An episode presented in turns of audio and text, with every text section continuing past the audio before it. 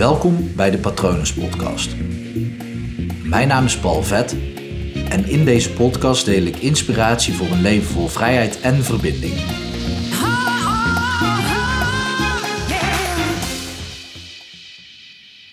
Op een zondagmiddag in 2016 keek ik diep in haar ogen.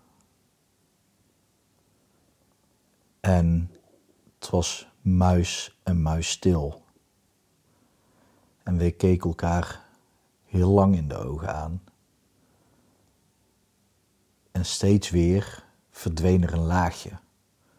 En elke keer wanneer er een laagje verdween, zonken we dieper weg. Gewoon in die diepte van de ogen, in die, die poel van het oneindige lijkt wel. Er, er, lijkt ook geen einde aan te komen. Elke keer verdween er een nieuw laagje en zonken we dieper en dieper weg. Steeds dieper werd onze verbinding. En we bleven elkaar aankijken. De hele tijd elkaar in de ogen aankijken. Zonder te knipperen. Was ook niet nodig. Gewoon elkaar aankijken. En het was zo mooi, zo puur om die connectie met de ander te voelen. En na, ik schat een minuut of tien, klonken de eerste noten van Claudia de Brij, mag ik dan bij jou? En op dat moment kneep ik mijn ogen dicht en werd mijn keel samengeknepen. En ik ademde door en ik opende eigenlijk vrijwel meteen mijn ogen weer en er vloeiden tranen uit mijn ogen. En wat ik van haar terugkreeg was een en al liefde, gewoon een pure liefde, pure genegenheid, pure. Ja, het was een hele vredige blik ook, compassie, heel compassievol. Dus mijn tranen konden gewoon stromen terwijl ik mijn ogen open had. En we bleven elkaar verder ook gewoon aankijken terwijl heel het nummer van Claudia de Brij voorbij kwam. En natuurlijk aan het einde van dat nummer gaven we elkaar een hele dikke knuffel.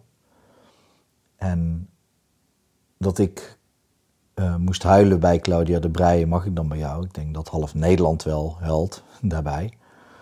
Maar het was voor het eerst dat ik Claudia de Breij, mag ik dan bij jou, weer hoorde na de uitvaart van mijn moeder.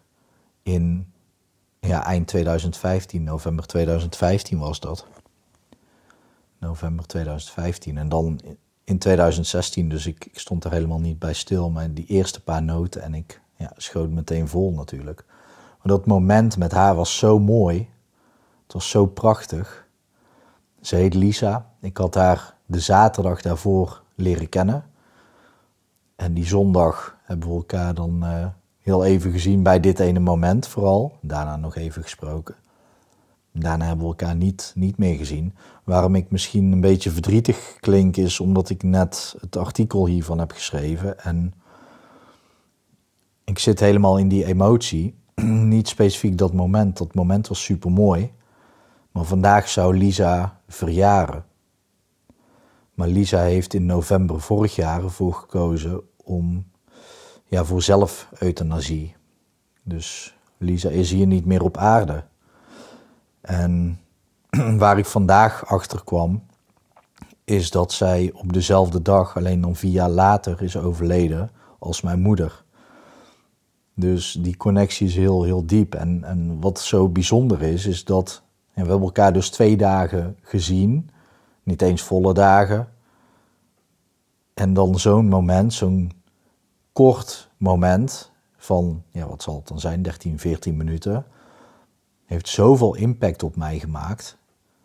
Gewoon door die verbinding met haar, die hele pure en krachtige verbinding. Het was zo mooi. En zo'n kortstondig moment met iemand die je dus helemaal niet kent verder. Dat, dat kan dus een blijvende herinnering zijn voor de rest van je leven. In mijn geval wel. Dat, uh, dat was heel bijzonder om te ervaren. En het is ook bewijs dat nu in deze tijd we kunnen elkaar ook gewoon met elkaar verbinden. Je kan je met de ander verbinden op afstand. Dat kan, want ja, toevallig stonden Lisa en ik dan op 60 centimeter afstand. Maar ook als je op 90 centimeter afstand gaat staan, of anderhalve meter, waarom ik 90 centimeter zeg, weet ik niet. Ik bedenk me nu dat ik dat moet aanpassen in het artikel. dat komt zo wel. Um, ja. Um, maar goed, op anderhalve meter kan je nog steeds ook gewoon iemand diep in de ogen aankijken en lang blijven aankijken en gewoon niks zeggen en dan die verbinding voelen. Maar je kan ook een gesprek aangaan met iemand en gewoon luisteren naar de ander. Gewoon luisteren naar, oké, wat speelt er bij de ander? Gewoon echt er even voor de ander zijn, elkaar steunen. En in al die momenten kan je dus een hele sterke verbinding in jezelf dus voelen. Want de verbinding met de ander, die voel je gewoon in jezelf die, die kan je niet buiten jezelf voelen. Dus dat is iets wat in jezelf ontstaat. En ja, dat kan dus ook op afstand. Ik wilde per se vandaag hierover spreken natuurlijk vanwege um, de geboortedag van Lisa. En um, ik ben haar natuurlijk ook super dankbaar voor dat ene moment wat we samen hebben gedeeld. En uh, ja, ik denk zo nu en dan eens aan dat moment. Niet heel vaak, maar het is wel een moment wat me voor altijd bij zal blijven. En dat kan jij nu dus ook aan anderen geven of jezelf ook gunnen. In deze tijd zijn dit soort momenten die kunnen ontstaan met mensen die je kent of mensen die je wat minder goed kent. Maar ja, die verbinding is gewoon mogelijk. Die is er gewoon mogelijk. Dus dat is mijn, uh, mijn verzoek aan iedereen. Probeer te verbinden met elkaar op een dieper niveau. Dat is een hele mooie connectie. En dat, uh, dat levert je superveel op. Uh, ik ben Lisa super dankbaar. En ja, ik hoop dat, uh, dat door deze verbinding of door de verbinding te delen met mensen, dat het niet nodig is dat, dat mensen kiezen voor zelfeuthanasie. Dat, dat is niet nodig. Want ook al voel je je soms alleen, je hoeft het niet alleen te doen. Je kan altijd om hulp vragen. Dus ja, stuur mij eventueel een mail, patronen.palvet.com.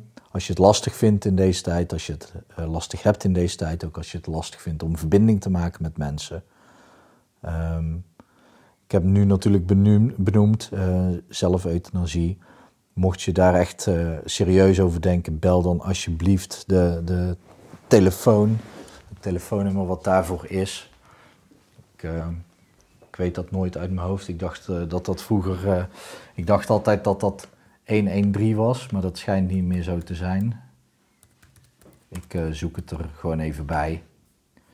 Ehm, ja, er zit wel 113 in. Het is 0900 0113. En die mensen zijn zeer kundig daar om er voor je te zijn. Um, dus ja, schroom niet. Denk daar echt aan op het moment als je, als je het echt even niet meer ziet zitten. Er komen nog, als het goed is, echt wel mooiere tijden aan. En uh, ja, mocht je het lastig vinden om verbinding te maken met mensen. Uh, of tegen andere dingen aanlopen, zoals een burn-out of depressie of angst of trauma's. Uh, schroom niet, stuur mij een mail naar patronen.palvet.com. Je kan natuurlijk ook gewoon even op mijn website kijken, www.hypnopal.nl, om te zien wat ik voor jou kan betekenen. Goed, ik hoop dat het heel erg goed met je gaat. Ik hoop dat, dat je gezond bent. Ik hoop dat het goed gaat met dierbaren van je.